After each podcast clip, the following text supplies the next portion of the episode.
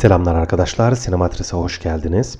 Bu haftaki programımızda eskimeyen filmler dosyasına devam ediyoruz ve sizin için seçtiğim 3 tane çok istisna, çok müstesna, çok farklı, günümüze kalmış, e, belki bazı kişiler tarafından unutulmuş ama birçok kişi tarafından da bir türlü unutulamamış, tekrar tekrar izlenmiş ve özetle eskimemiş filmim var.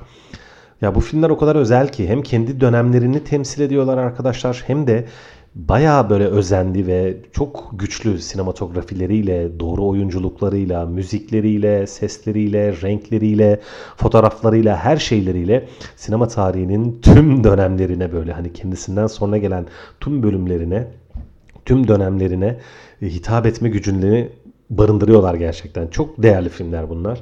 Ve bir anlamda da şöyle bir durum var ki eskimeyen filmler dosyasını yaparken zaten bu kaygıyı da gülüyordum ben. Arkadaşlar filmler yapıldıkları dönemin hani eskimiyor olsalar da bugün açıp siz 1971 yapımı Godfather'ı aynı keyifle izliyor olsanız da aslında o filmler biraz kendi zamanlarının da temsilcisi olan filmler oluyorlar ve aynı zamanda anlattıkların da dönemi olan temsilciler oluyorlar. Şimdi biz 2020'deyiz, 2021 yılındayız, 2020'li yıllardayız. Artık belli bir dünyadayız. İşte günümüzü e, etkisi altına alan bir sürü sosyal, kültürel, teknolojik, bilimsel veya sanatsal akımlar falan var. Geçmiş dönemleri biraz yani unutmuyoruz aslında böyle ama biraz nostalji duygusuyla anıyoruz değil mi? 70'leri işte atıyorum 50'leri, 90'ları, 2000'leri hatta 2000'ler bile artık nostaljik dönemler haline geldi. Yani hani geçenlerde işte Marvel'ın ilk filmlerinin hey hey ne günlerde işte Iron Man 1 falan diye böyle nostaljik bir havayla anıldığını görüyorum. Abi durun daha 15 sene önceydi yani 15 15 yıl bir şeye nostaljik yaklaşmak için yeterli midir bilmiyorum ya. Ben belki de ben yaşlandım ya olabilir artık dönemler çok daha hızlı akıyor işte X kuşağı, Y kuşağı, Z kuşağı derken artık dönemler arası süreler iyice kısaldı. Diyorum belki ben, ben yaşlanmışımdır yani bana öyle geliyordur ama filmler kendi dönemlerinin de birer temsilcisi oluyorlar ve bugün de Özellikle bir filmim öyle öyle filmleri de anmaya çalışacağım. Belli dönemlerdeki önemli sosyal kültürel meseleleri de hatta politik meseleleri de inceleyen filmler oluyorlar bunlar. Onun için yakın zamandan, yakın zamandan demeyeyim hatta biraz daha eski zamanlardan filmleri izlemek insana çok şey katabilir, katıyor gerçekten de. O nedenle dediğim gibi eskimeyen filmler dosyasını hazırlarken böyle bir kaygı da güdüyordum ben. Hemen sözü uzatmadan konuya geleyim aslında. Direkt filmi anlatarak e, size iletmeye çalışayım. Bugün anacağım ilk film arkadaşlar 1993 yapımı Jonathan Demme adlı yönetmenin yönettiği Philadelphia filmi arkadaşlar. Şimdi Philadelphia çok özel bir film. Nasıl bir film? Şöyle ki Şimdi bugün için bizde biraz homofobi, biraz e, farklı cinsel tercihlere olan bakış, bunun işin politik tarafı, işte siyasal tarafı hem de kültürel tarafı, muhafazakar kitlenin e, eşcinselliğe ya da farklı cinsel e, deneyimlere, farklı cinsel tercihlere, LGBTİ bireylere bakışı hala tartışmalı ama bunun üzerine dünyada belli bir bakış oluştu. Birçok ülkede eşcinsellerin evlenmesi kanunen serbest. Bu açıdan pek bir sıkıntı yok. Hani tepki görüyor olsalar da kanunen bu mümkün ve bunun üzerine birçok gösteriler yapılıyor. İşte hani insanlar sesini duyuruyor. insanlar cinsiyet değiştiriyorlar. Bunun üzerine artık 90'lardaki e, 80'lerdeki yapı biraz daha rahatladı ve tabi dediğim gibi tepki duyan buna tepki gösteren çok ciddi bir kitle hala var olmasına rağmen hani konu hala tartışmalı belki ama bu tartışma aslında biraz 80'lerde 90'larda hararetlenmişti. Ve o yıllarda bir konu daha çok hararetli biçimde karşımıza gelmişti arkadaşlar. AIDS. AIDS hastalığı yani çok eski bir hastalık değil. Yakın zamanda ne yazık ki insanlığın kabusu olmuş durumda ve hala ne aşısı bulunduğu ne tedavisi bulunduğu sadece e, çeşitli ilaçlarla ya da hani farklı e, tıbbi müdahalelerle AIDS hastaları yaşatılmaya devam ediliyor ama AIDS hastalığından kurtulunamıyor. Hala çözümü yok, çaresi yok. Sadece AIDS hastalarının e, yaşam konforunu yükseltebiliyoruz. Hani e, yaşama veda etmeleri engellenebiliyor belki ama hastalıktan kurtulmaları hala sağlanamıyor. Hala AIDS hastalığının yayılımı devam ediyor ve bir anlamda da bunun üzerine e, çok büyük çalışmalar yapılıyor ve bu konuda başarılı olunduğuna yüksek oranda inanıyoruz birçoğumuz. Çünkü artık bu bilinç kazandırıldı topluma. Yani AIDS'ten herkes korkuyor hani gerek cinsel ilişkiyle bulaşması gerek de kan yoluyla yani hani uyuşturucu kullananların ne yazık ki yayılmaya e, çok fazla etkisi olduğu söylenmişti uzun yıllar önce. İşte Philadelphia filmi biraz eşcinsellik ve biraz da AIDS hastası olma üzerine çok erken dönem yapılmış filmlerden bir tanesi ve bu konuya çok gerçekten etkili biçimde dikkat çekmiş. İşte Oscar'larda zaten konu edildi bu vesaire. Ya çok güçlü bir film politik olarak, sosyal, toplumsal, kültürel olarak. Çok kabaca öyküsünü şöyle bir anlatacağım size. Spoiler vermiş olmayacağım merak etmeyin. Philadelphia filminde eşcinsel ve AIDS hastası bir avukat karakter var. Tom Hanks'in canlandırdığı ve nefis biçimde canlandırdığı. Bunda Oscar almıştı zaten Tom Hanks. İlk Oscar'ını bu filmle almıştı. Ve bir hukuk şirketinde, hukuk bürosunda çalışan çok güçlü, çok yetenekli, harika bir avukat bu. Eşcinsel ve ne yazık ki AIDS hastası. Ve bu hukuk bürosundan Tom Hanks kovuluyor arkadaşlar. Haksız işten çıkarma davası açıyor. Kovulduğu hukuk şirketine. Bakar mısınız çatışmaya? Şimdi ve aynı zamanda haksız işten çıkarma meseleleri de artık bu 2020 yılında falan çok böyle kanuna girmiş maddeler bunlar. Yani bir insanı işten böyle kafanıza göre çıkaramıyorsunuz. Bir gerekçe sunmanız hani çalışan hakları günümüzde çok güçlendi, gelişti ama 90'lı yıllarda bu da gelişmemişti.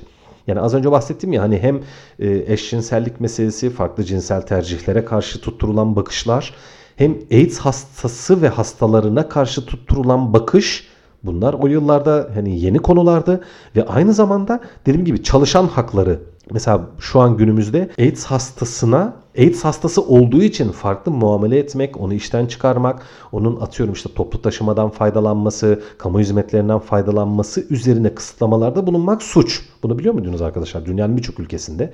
Yani bir insan AIDS olduğu zaman otobüse binemez. Var mı böyle bir şey? Yok. İşte toplumda buna karşı bir tepki vardı uzun yıllar boyunca. 90'lı yıllarda bile hatta hani bir AIDS hastası komşunuz olduğunda herkes ona karşı tedirgin davranıyordu. Belki hala öyle davranır. Normal olarak belki de bilmiyorum. Hani içgüdüsü olarak değilim yanlış anlamayın ama normalde AIDS hastalarına karşı hiçbir sosyal, kültürel, kamusal ayrım yapılamayacağına dair dünyanın birçok ülkesinde kanunlar var. İşte Philadelphia arkadaşlar bu konuları işleyen öncü başyapıtlardan bir tanesi. Yani şimdi daha da fazla anlatmayayım. Bu kadar anlatayım. Hani bu kadar önemli ve hassas konulara parmak basan, bunları konu eden ve nefis biçimde anlatan, harika bir sinematografi, çok iyi oyunculuklar. Ee, yani Tom Hanks dava açıyor kendi hukuk şirketine. Çünkü hiçbir başka avukat onun davasını da almak istemiyor. Bir de ilginç olanı bir de hukuk dünyasının üzerine de nefis bir inceleme var işin içerisinde.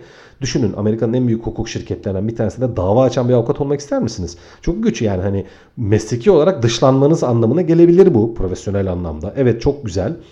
Ve kim bu cesareti gösteriyor? E, onu izleyin işte. çok harika bir başka harika bir oyuncu Denzel Washington ve bir de siyahi yani bir de işin içerisinde siyahilik, beyaz, of yani film amma zenginmiş ya. Vallahi şimdi anlat anlatınca yani dört farklı bakın çok hassas konuda e, kelam eden ve dört farklı hassas konuya e, dokunma becerisini göstermiş film Philadelphia. Evet ya bakın iyi ki bunu almışım şu an. Diyorum bakın anlattıkça filmin zenginliğini tekrar tekrar ben de deneyimliyorum. Hiç bu konuya da girdiğini fark etmemiştim size anlatma kararı alırken. Neyse çok uzattım. E, kusura bakmayın ama 1993 yapımı artık bir şey söylemek istemiyorum. Herhalde yeterince ne kadar zengin bir film olduğunu anlatabilmişimdir.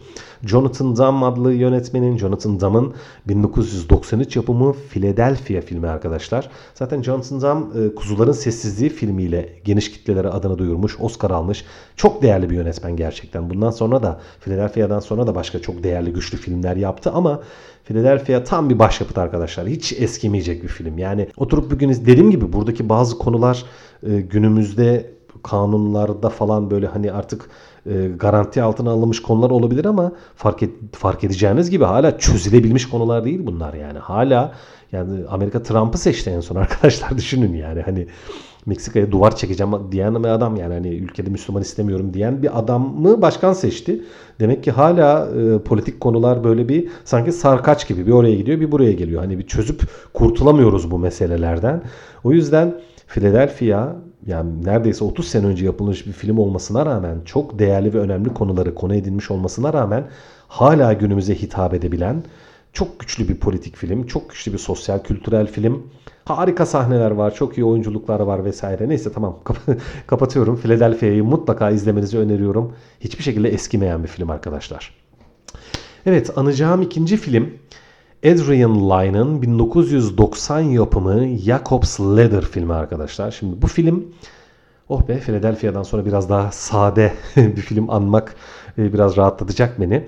Tam bir gerilim filmi arkadaşlar. Hani gerilim filmi ne demek diye sorsalar yani yüksek olasılıkla size Jacobs Ladder'ı anarım. Mutlaka aklıma gelir. Tam bir gerilim filmi gerim gerim gerileceksiniz. Yani gizem filmi. E, şimdi sürpriz sonlu demeyeceğim. Sürpriz sonlu filmler 90'lı yıllarda çok ya ondan önce de yapılan filmler var. Yani 90'larda sürpriz son ortaya çıkmadı, keşfedilmedi. Daha 50'lerden 60'lardan yapılan sürpriz sonlu filmler var ama şöyle bir şey söyleyeyim. E, bir gizemi çözme içgüdümüzü bir film ancak bu kadar güzel e, besleyebilir. Öyle söyleyeyim. Filmin başında garip halüsinasyonlar gören, çevresine tutturduğu bakışta böyle bir farklılıklar olan ya ne oluyor ya bu adamın derdi ne arkadaş diyeceğimiz bir baş karakterimiz var. Tim Robbins'in canlandırdığı bir Vietnam gazisi olan bir karakter. Şimdi Vietnam tabi gelmiş geçmiş savaşların içerisinde bir türlü hani şeyi bitmeyen hani tartışması kavgası bir türlü bitmeyen hala anılan hem Amerikan toplumunun üzerinde kültürel sosyal çok ciddi etkiler bırakmış hem de bireysel çok e, böyle etkiler bırakıp o zamanın kabuslarını günümüze taşımış çok fazla karakter barındıran bir savaş olmuş. Tabii bizim için ne yazık ki e, ya da çok şükür hani bizim meselemiz değil belki ama biz de oradan e, sanatsal olarak besleniyoruz Vietnam Savaşı'ndan. Vietnam'dan gelmiş bir karakterimiz var burada ve bu adamın kabusları var, halüsinasyonları var. Bir türlü hayatını normal bir biçimde devam ettiremeyen bir karakter arkadaşlar. Ve bu adamın derdi ne? Bu adamın geçmişte bir derdi olmuş, bir şeyler olmuş hayatında, bir deprem yaşamış öyle söyleyelim.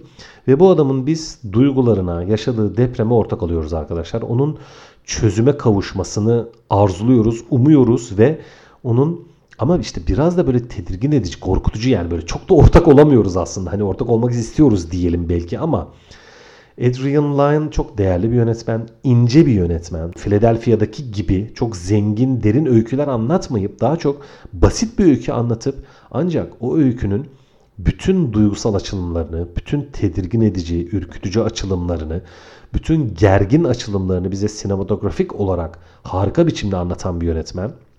Hani ortada bir öyküye bile ihtiyaç yok. Halüsinasyonlar gören, kabuslar gören bir adam var. Yani kendinize öyle düşünsenize hani her gece hatta bırakın geceyi uykuyu günün içerisinde bile sağda solda çevrenizde ürkütücü imgeler görüyorsunuz.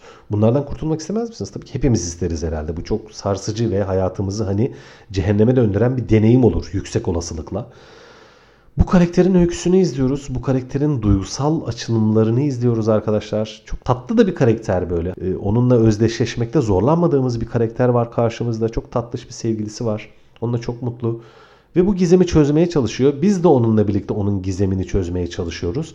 Altından başka bir öykü çıkacak tabii ki. Dediğim gibi yani demek istemiyorum çünkü sürpriz son çok önemli değil. Yani sonunda or, hani ortada bir gizem var neticede. Bu gizem çözülecek ama sürprizli bir gizem olması şart değil. Sonunda ortaya çıkan gerçek de karakterin içerisinde bulunduğu ürkütücü ve tedirgici, tedirgin edici psikolojik durumun da açılımlarını filmimize çok güzel anlatıyor. 1990 yapımı Adrian Lyne'ın yönettiği Jacob's Ladder çok değerli bir film arkadaşlar. Birçok yerde anılır. Böyle en unutulmaz böyle sinema tarihi başyapıtları arasında anılmaz pek. Hani o kadar öne çıkmış bir film değildir ama böyle biraz gizli başyapıt gibi böyle hani ya bu film biraz gözden kaçtı ama aslında hani bu film biraz hakkı yendi gibi anılan filmlerden bir tanesidir Jacob's Ladder. Eğer izlemediyseniz mutlaka izlemenizi öneriyorum. Çok da duygulu bir film yani. Çok keyif alacağınıza inanıyorum. Bugün andığım ikinci film Jacob's Ladder 90 yapımı. Bugün anacağım üçüncü filme geldik arkadaşlar. Yine başka bir bambaşka bir suya atlayacağım bu kez. Ee, ilk iki programda böyle sıf polisiye suç öykülerinden bahsetmiştim. Bu kez tür e, yani bir türün içerisinde gezinmek istemedim. Farklı türde filmler anmak istedim size. Bu film 1995 yapımı Mike Figgs adlı yönetmenin Living Las Vegas filmi arkadaşlar. Las Vegas'ta yaşamak. Şimdi bu film ya, o kadar özel bir film ki, o kadar farklı bir film ki. Nicolas Cage'in Oscar'ını aldığı film. Elizabeth Shue diğer rol arkadaşı çok nefis bir oyuncudur. Oscar'ı yok ama bu filmde Oscar adayı olmuştu yanlış hatırlamıyorsam. Oscar almadı ama Living in Las Vegas arkadaşlar bir öykü anlatmayan bir film. Öyle söyleyeyim. Bir öykü anlatmıyor. Baştan sona kaybetmiş neredeyse hayatla ilgili, yaşamla ilgili bütün umutlarını, bütün beklentilerini yitirmiş iki karakterin birlikte olup bir aşk yaşayıp çok sıra dışı ilginç bir aşk yaşayıp yani böyle geleneksel bir aşk öyküsü değil bu hiçbir. Yani bir aşk filmi aslında Leaving Las Vegas ama karakterler çok farklı. Atmosfer, durum, ortam çok farklı. Olay Las Vegas'ta geçiyor. Şimdi Las Vegas neresi? Las Vegas Amerika Birleşik Devletleri'nin kumar ya yani eğlence başkenti öyle söyleyelim. Kumar oynamanın yasal ve serbest olduğu tek yer. Hani insanların gidip böyle kumar oynadığı, eğlendiği işte konser, tiyatro vesaire tüm bir sürü böyle sosyal kültürel faaliyette bulunduğu ama aynı zamanda daha çok zevk sefaya daldığı böyle hani zengin karakterlerin, parası olan insanların gezdiği, tozduğu, yediği, içtiği biraz böyle hani para ezmek denir Türkçe'de değil mi? Hani gidelim parayı ezelim der bazı insanlar değil mi? Biraz böyle mecazi bir söylemle insanların eğlenmeye gittiği bir yere gidip ya da yani kısmen orada yaşayıp diyeyim. Yani bir karakter zaten orada yaşıyor. Bir karakter oraya geliyor. Orada tanışıyorlar bu iki karakter. İnsanların eğlenmek için bulundukları diyeyim bir ortamda yaşamlarına, hayata dair tüm umutlarını neredeyse kaybetmiş ya da kaybetmekte olan iki karakterin birbirlerine hem dost olarak hem arkadaş olarak hem de duygusal olarak böyle bir omuz vermeye çalışmaları. Türkçe'de hani destek ol biraz omuz verme deriz değil mi? Birbirlerine bir destek olmaya çalışmaları, bir bir dostluk kurmaları ama böyle dostluk da denemez, tam bir aşk ilişkisi de denemez, tam bir sevgililik de denemez. Yani neresinden hani size anlatsam bilemiyorum gerçekten. Çok dramatik bir film arkadaşlar Leaving Las Vegas. Dediğim gibi hayata karşı tüm umutlarını artık kaybetmiş ya da kaybetmekte olan iki karakterin birbirlerini keşfetmeleri, hayatı keşfetmeye çalışmaları mı desem yani nasıl diyeyim gerçekten bilmiyorum. Hani anlatması, özetlemesi de çok zor bir film.